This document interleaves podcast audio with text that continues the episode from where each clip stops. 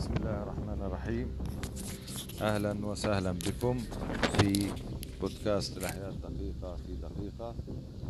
هذا الموسم السادس بعنوان الفطريات. آه، لقد وصلنا إلى الحلقة الثانية وهي بعنوان فوائد الفطريات. هناك العديد من آه، فوائد الفطريات منها الغذائية. سنستعرض آه، أقسام الفوائد آه، للفطريات. هناك فوائد غذائية للإنسان من الفطريات. الإنسان يتغذى على فطريات مثل فطر العرجون والكمأة وعيش الغراب. ويضاف الفطريات تضاف إلى الكثير من الغذاء. أيضا آه، يستخدم آه، الفطر كمصدر طبي آه، مكون أساسي من الكورتيزون. الكورتيزون هو عبارة عن مضاد للتسمم في الجسم. يستخدم تستخدم أيضا الفطريات في صناعات عديدة مثل صناعة الجبن ويستخدم في تحضير عجينة الخبز. يستخدم ك آه، مضاد حيوي من فطر البنسلينيوم. يستخرج منه آه، مضاد حيوي هو فطر البنسلين هو مضاد حيوي البنسلين.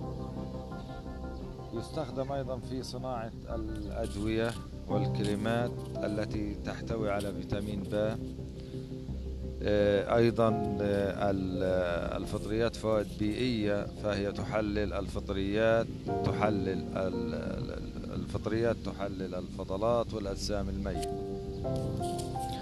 هناك آه، فوائد علاجية للفطريات فوائد علاجية طبية وكان هذا العلاج يعرفه كل من الطب الصيني التقليدي وفن الشفاء لدى الهنود الحمر في أمريكا الجنوبية.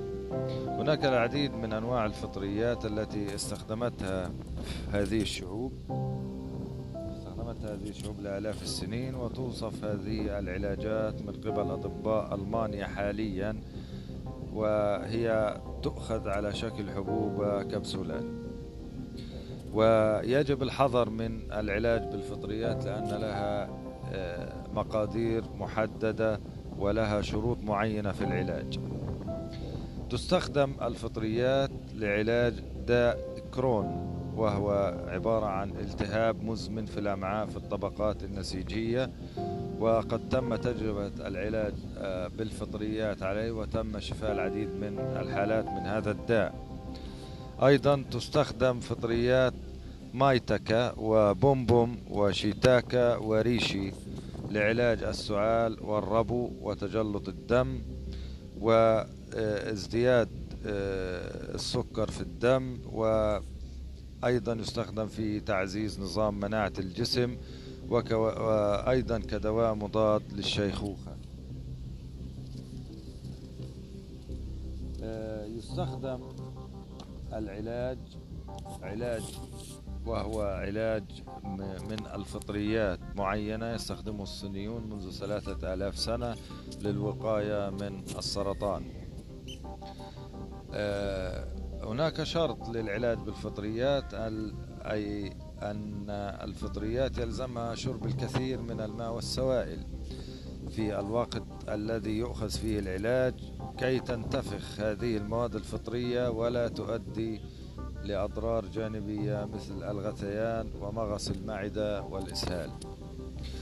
يتطلب العلاج بالفطريات الكثير من الخبرة كما أسلفنا ويفتقر لهذه الخبرة الأطباء في الغرب ولكن الأطباء في الصين لديهم الخبرة التراكمية منذ ثلاثة آلاف عام. تستخدم الفطريات أيضا في تطبيقات الهندسة الوراثية. هذا ما لدي. شكرا جزيلا لكم.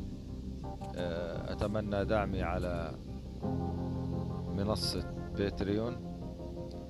محدثكم معد ومقدم البرنامج محمد نافذ رشوان أول مدون صوتي في فلسطين. أخصائي الأحياء الدقيقة وإجازة في التحاليل الطبية. شكرا جزيلا لكم.